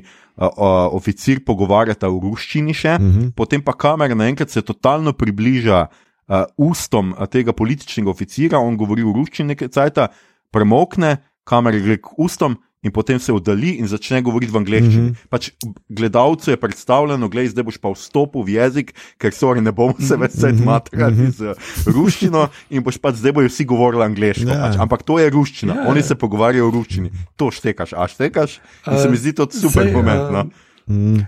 Podoben uh, pristop je McTiernan isto uporabil v bistveno slabšem, ampak še vedno zabavnem filmu 13. bojevnik z mm -hmm. Banderasom, uh, kjer se, sedijo vikingi okrog ognja in jih on gleda in prav gleda tiste njihova usta in tako začnejo besede, mm -hmm. ven lete posamezne, uh, mm -hmm. angliščine. Ja, ja. In potem do konca večera on jih napizdi, kaj govorijo grdo njegovi mami. In vse to. to je res. Ja. Točno, ja, to je tudi McTiernan, sem že malo pozabil. McTiernan se pokojen, ja. že ne. Uh, McTiernan je bil, uh, je ne. Pro, uh, ne, up, upam, da ne, upam, da se motim. Ker, naprimer, z, v, v kontrastu z Michael Bayom je on full hood um, vizualc, on je full občutljiv na to, kako v bistvu vizualno zgodbo povedati. Tako, tako simple fora, kako zdaj v bistvu narediti uh, uh, translate enega jezika v drugega, kot, uh, kot smo zdaj omenili te dve sceni. Michael Bay ima pa telefoto lečo non-stop gor, pa boli njega kurac, kaj se dogaja pred kamero, samo da se vse vrti v 3PM, razumeš? On je idiot kar se tega tiče. Dela pa, v bistvu, želel bi si pa iste filme delati kot Metina. Meni se zdi, da to njegova notranja skrivna želja, jaz bi rad bil Die Hard snimal, ne? ampak ne zna, ker je glup. Ja. Uh, no, ampak se tudi uh, McTiernanu karijera potem, ker šla downhill po uh, 13. bojevniku, takrat so ga dejansko odpustili. Uh, Uh, in je Krajten zaključil film. In pol je v bistvu samo še dva filma posnel, ampak zdaj neki sci-fi snema. Ja. Mogoče še živ. Še živ. Yes. Ja, še živ. Še živ. Okay. Ta vse ti for zdaj ima neki. Ja, ja. To je to z umotorman, tako da oh, okay. bomo okay. videli. Ja. Um, ja, skratka, to, to so bili naši izbrani filmi. Kaj bi vi izbrali, če bi imeli to priložnost izbirati in biti gostov v našem podkastu? Seveda, zdaj lahko omenimo še številne druge filme, ne na zadnje, seveda, omenimo valjda Bondiade. Uh -huh. Sean Connery je od leta 62 do 67 igral v Dr. Noju iz Rusije z ljubeznijo, Goldfingerju, Thunderballu in živiš samo dvakrat potem mm, je odšel, pa zapustil to vlogo in se vrnil k sedmemu filmu Diamanti so večni, pa potem uh, zaigral še Never Say Never Again, uh, ki je um, remake Thunderbola. Um, na nek način uh, pač je remake Thunderbola. Drugače pa, kaj so še va, vajni, uh, ljubi njegovi filmi? Rising Sun, bom rekel, meni je tam uh, uh, ja. tako zelo špasna, kul, cool, uh, korporativna kriminalka no? uh, z Wesleyem Snipesom v glavni vlogi, pa Sean Connery v stranski, uh, ali pa no, dve mm, glavni, I mm. guess. Uh, ta je meni kul. Cool. Bom pa mogel pa pogledati uh, tega, no, uh, The Man Who Would Be King. Uh, tale me je zelo pritegnil, ja. tega še nisem. To je zelo dober. Ja. Tega še nisem, pa meni je zelo, ja, čislam v. Uh, V spominu, bi ga pa mogel še enkrat prečekirati, uh, Medicine Man. Um, mm -hmm. Mm. Da, ja. Mislim, da, da, da bo. Da bom razočaran. Aha, ne. Okay. Ja. uh, malo je, mal je čizi, pa malo je prav tale white savior, pol mm. problem. Um, no, meni je bil ful všeč Kuba, um, kjer je on ki se dogaja med revolucijo na Kubi. In uh, on je nek britanski vojaški strokovnjak, ki naj bi v dveh urah vse skupaj ustavil in rešil zadevo. Uh, in potem je storija o tem, da ugotovi, da eh, ne. In se zaljubi v eno žensko, okay. čist menja. In pridejo Castro in Če Guevara in zasedajo Havano in jak whatever. Um, Vredno narejeno pa First Grade Train Robbery, ki pa mislim, da uh, to scene na vlaku, zelo lepo je sestavljena štorija, uh, pač ta kriminalka, kako oni pridejo do tega, kako načrtujejo in potem konec med nadrvečem vlaku, kako izvedejo tale rob. Mislim. Zelo, zelo, fajn, fajn. uh, priporočam tako na nedeljski film, pa si smejiš zraven, pa res, vredno je. Okay, cool. no, ja, tudi Forester v razkritju, seveda, moramo omeniti, ker igra mentorja, uh, potem pa Rusko hišo, to je taka klasična vohunka po romanu Lekara, če se ne motim. In pa jaz bom vseeno omenil, da pač njegov zadnji film, ki smo ga že omenjali, The League of Extraordinary Gentlemen, ki je totalen trash. Ampak mislim, da na koncu, konec koncev, glede na njegovo kariero, pa kaj vse je igral uh, človek v življenju, je to nekakšen poklon njegovim zgodnim filmom ali pa nekaterim filmom iz njegove kariere. in je pač treši kot so oni, sem da pač ta sodoben treš nima tega mogoče nostalgičnega priziva, ker ni treš zato, ker ne bi bilo keša, ampak je treš za full keša. Uh, in, um, treš brez šarma. Ja.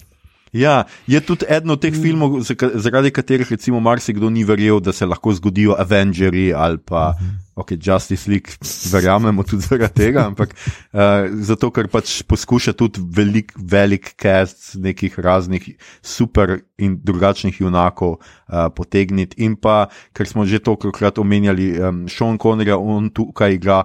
Alana Quatermana, ki je pač uh, ta neka prapodoba Indijana pred Indijano. No, mm. ja. um, no, to bi bilo to. Jaz sem z, iz čiste zabave pustil Star Trek kotiček, ampak potem je mi to nekaj celo napisal, tako da me zdaj res zanima, kje ima Star Trek. Šona Konorja ali pa nekaj iz sveta Šona Konorja. Um, oh, moj naivni prijatelj. Uh,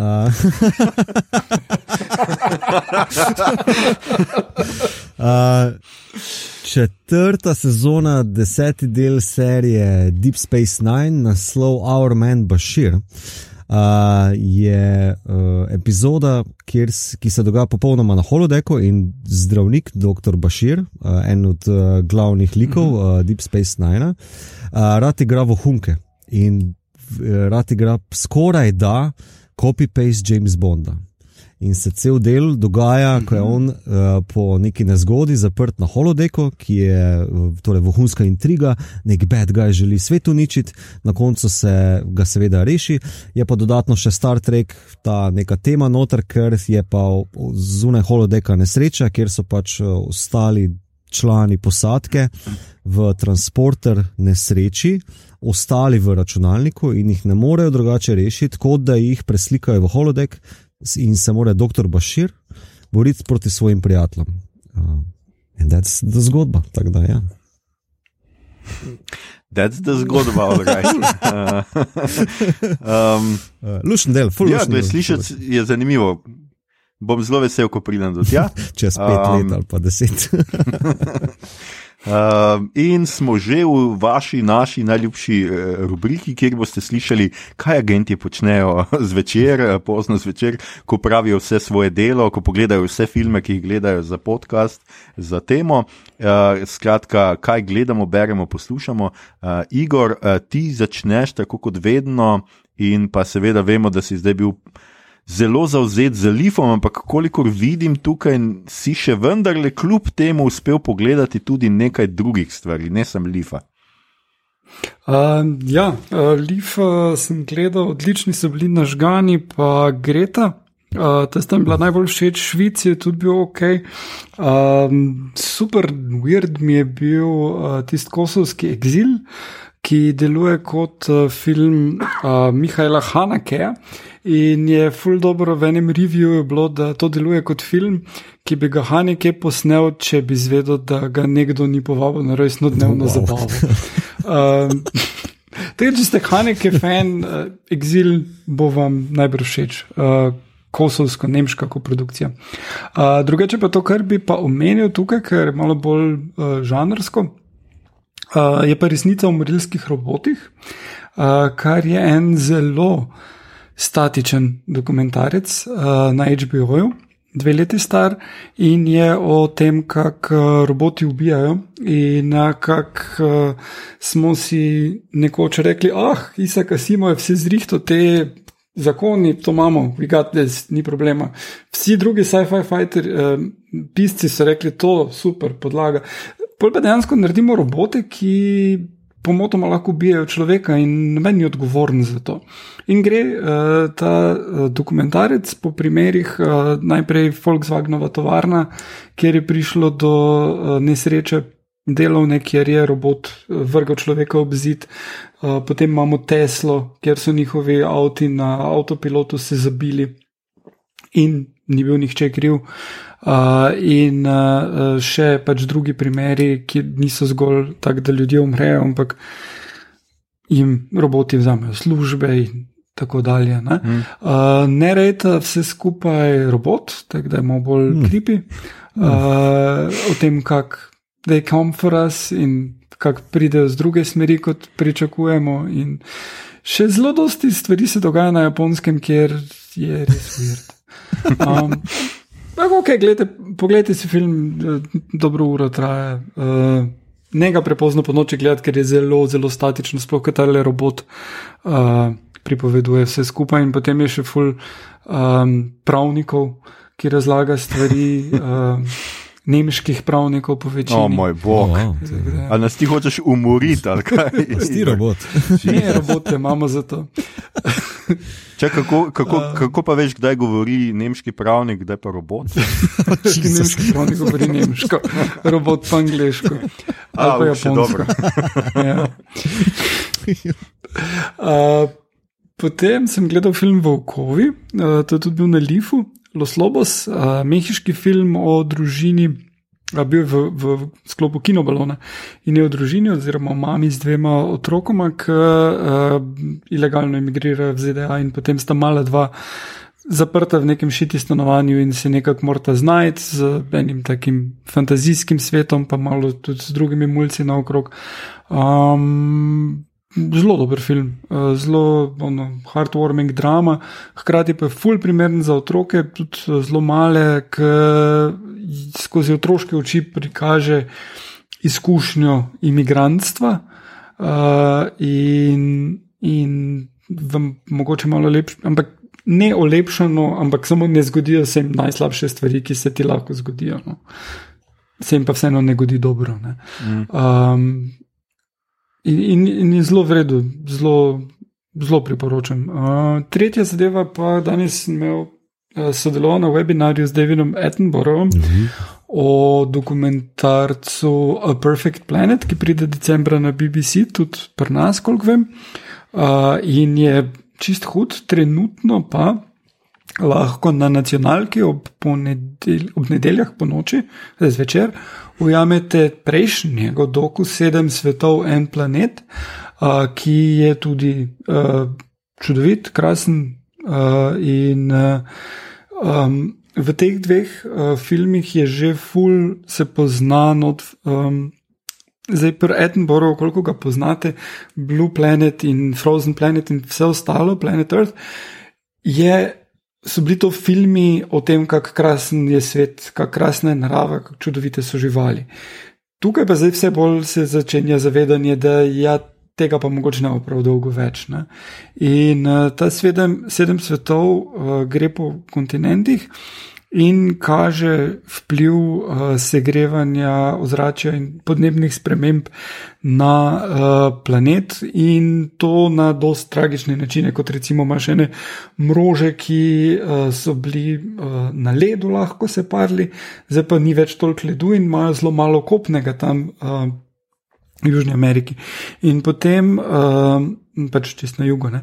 in potem plazijo gor po skalah, kadar pridejo. Uh, Oziroma, nekje na severu, vse vseeno, ki so. Uh, plazijo v glavnem po skalah, namesto da bi lahko na ledu počivali, in potem dol iz skal ne morejo lepo priti in se enostavno dol mečejo. In potem se ubijajo tako totalno, in potem je tako gomila mrtvih uh, mrožev tam, in ni malo takih prizorov. Um, tako da uh, dost pokaže to, kam vodi uh, ta svet uh, in, in tale nov dokumentarec, ki pride decembra, sem se že prvi del uspel videti tudi. Uh, Ne manjka spektakularnih posnetkov, ampak tudi ne manjka tega, kako se svet spremenja in kako je to za nekatere še bolj grozno kot za nas, da moramo pač trpeti malo večjo vročino ali pa da je kak uh, poplava kdaj. Mm. Tako da ja, to pa te fore. To so pa res te ja, fore. Ja. fore ja. Skratka, same, same čudovite, optimistične reči si nam, uh, zdaj si me tako res pravo, da prav, si mislim, pis, da pa ta pandemija, zakaj nas ne pobije, res katastrofa, no, to, kaj počnemo uh, svetu in živalim. In... Ja, ampak mislim, gledaj, pandemija je uničila, mislim, full oklestila letalsko industrijo uh, in uh, uh, tele cruise ships. Ne? In uh, se, mislim, da ste vi tudi gledali Asifa, ko je imel o, o cruise uh, ships tele vse ladje, ki so vozile ljudi malo naokoli v plavajočih hotelih, so uh, imele toliko oglikovih, uh, uh, tolikšen oglični odtis kot Evropska unija. Tako da ta pandemija je naredila ful dobrega za to zadevo. Mm. Imamo ful problema, ker ogromno plastike odvržemo, pa še vedno. Uh, pač javni transport bo zdaj fulterpel zaradi tega, in bo več ljudi se vozilo z avti, ampak, glej, ne bojo pa ljudje tako radi več leteli zaradi celotne izkušnje in možnosti okužbe, tudi če bojo cepljeni, in ne bo nihče več šel na križarjenje. Ker what the fuck je bilo jim, da so sploh šli na križarjenje. ja, ok, Igor, Igor, pomirite, vredo je. Obljubimo, obljubimo, da preprečimo vsem, da grejo na križarjenje. Um, Hvala, samo to. um, okay. Skratka, mito, uh, če ljudje ne grejo na križarjenje, kaj ne gledajo doma? Um, kaj si ti pogledal ta, med tem, ko se je. Ja, tisto, kar se dogaja pod križarjenjem, underwater sem pogledal. uh, torej, um, uh, na HBO-ju, underwater. Je tako slab, kot pravijo. Kak?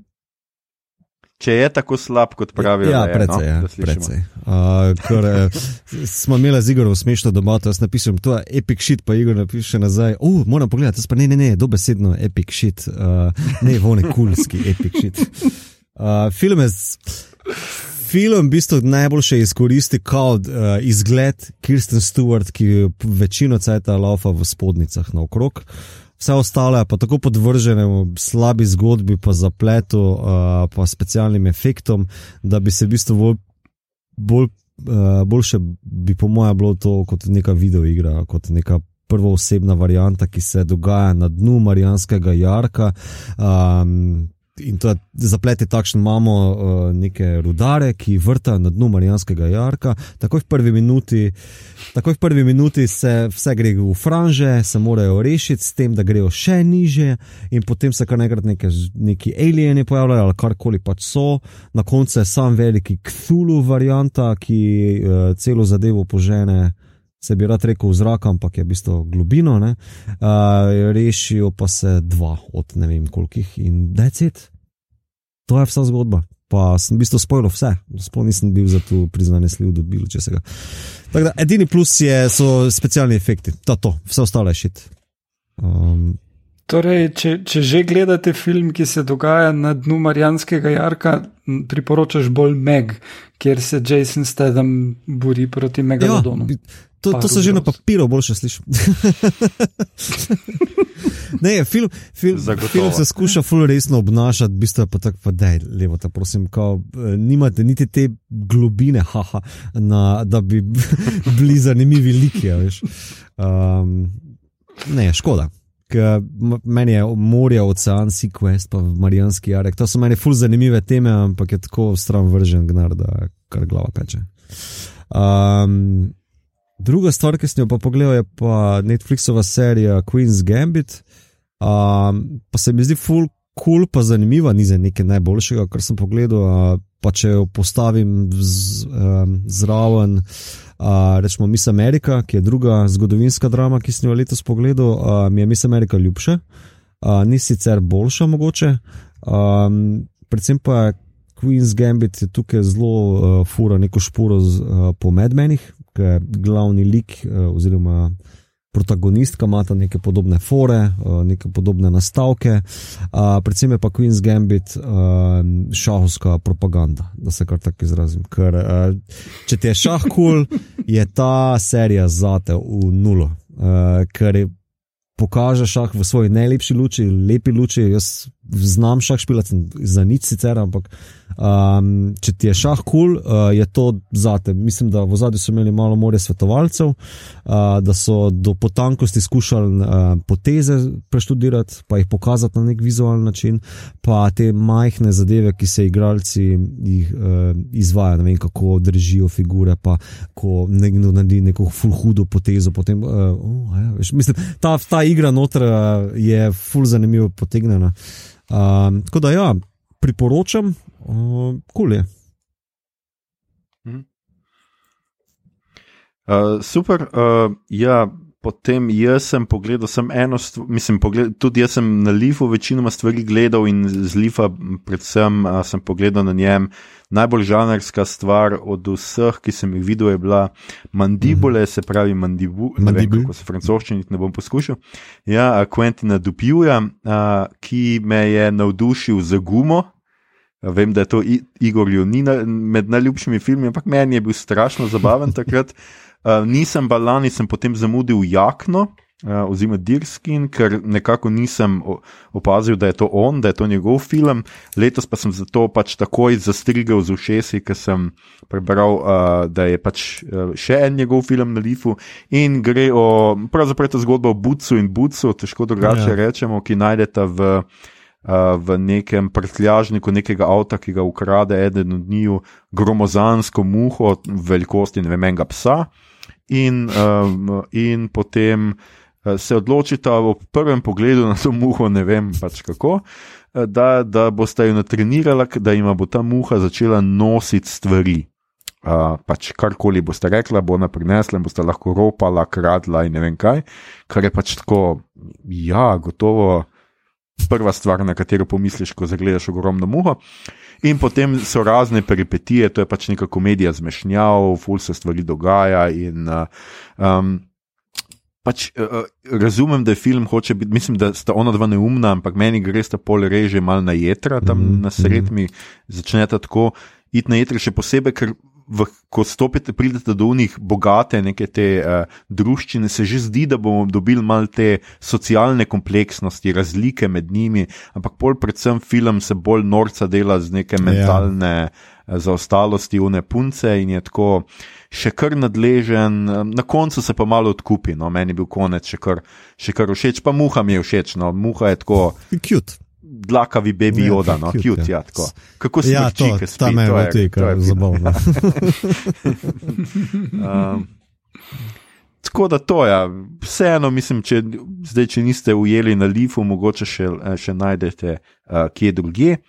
Um, to je bilo to, kar sem jaz uspel pogledati. Uh, in ljudje in ljudi ne, ne boste verjeli, ali pa lahko verjamete. To je bila že naša 66. epizoda. Poslušali ste torej podcast, ki se oglaša na ime Obot, podcast za serije, filme, risanke, knjige, vse žanr od F do Z, ki ga gosti mreža Apparatus. Z vami smo bili Mito, Ful preveč Niplov, mm. Gigič, mm. uh, Igor, Free Crazy Intense, Harp in Aljoša.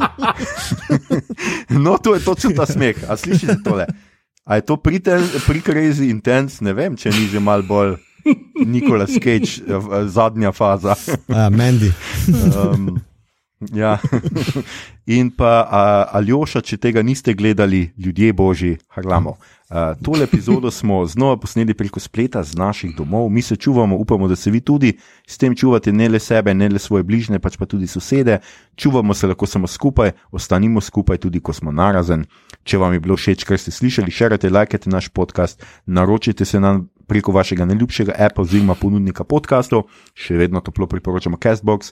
Dajte nam kakšno ceno na iTunesih, spremljajte platformo aparatu z odličnim izborom podkastov za vsakega. In če boste te dni prebolevali odvisnost od filmov, ker ste cel teden besno spremljali Liv, poslušajte podcast Obot, mi imamo vedno cel kup predlogov za gledanje, mimo grede pa se boste nav seveda navlekli še na naš podcast. Tako da Ja, nič, če že morate biti odvisni od česa, bodite odvisni od nas, podcast obot, žametna, mehka droga. Uh, na Twitterju nas najdete kot adpodcast obot, na Facebooku smo podcast obot, tako je tudi na Instagramu, tam delimo rajce, prikolice, druge zanimivosti, tja lahko smerjate vprašanja, pripombe, komentarje, pozive k škotski neodvisnosti, predloge, kaj bi za vas pogledali naslednjič. Tole je bila že 66. 66.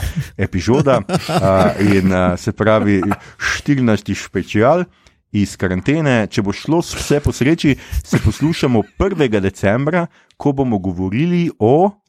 Naj zaenkrat ostane skrivnost, ali pa tudi ne, ne naj ja. ostane skrivnost. Skratka, m, verjetno že spet tako naslednji teden, če nam ne rata, ne nam zameriti, bomo skušali okrevati po Lifu, zato nas tudi prejšnji teden ni bilo, ker smo tako intenzivno spremljali Ljubljanski filmski festival in seveda imeli tudi druge obveznosti. Obodovke in bodovci, da se nehamo pravičevati, ostanite zdravi, kjerkoli že ste, upamo, da ste doma in upamo, da nas imate radi. Right. Lahko noč. lahko, Lahko noč. Nekaj, če jutro postaš.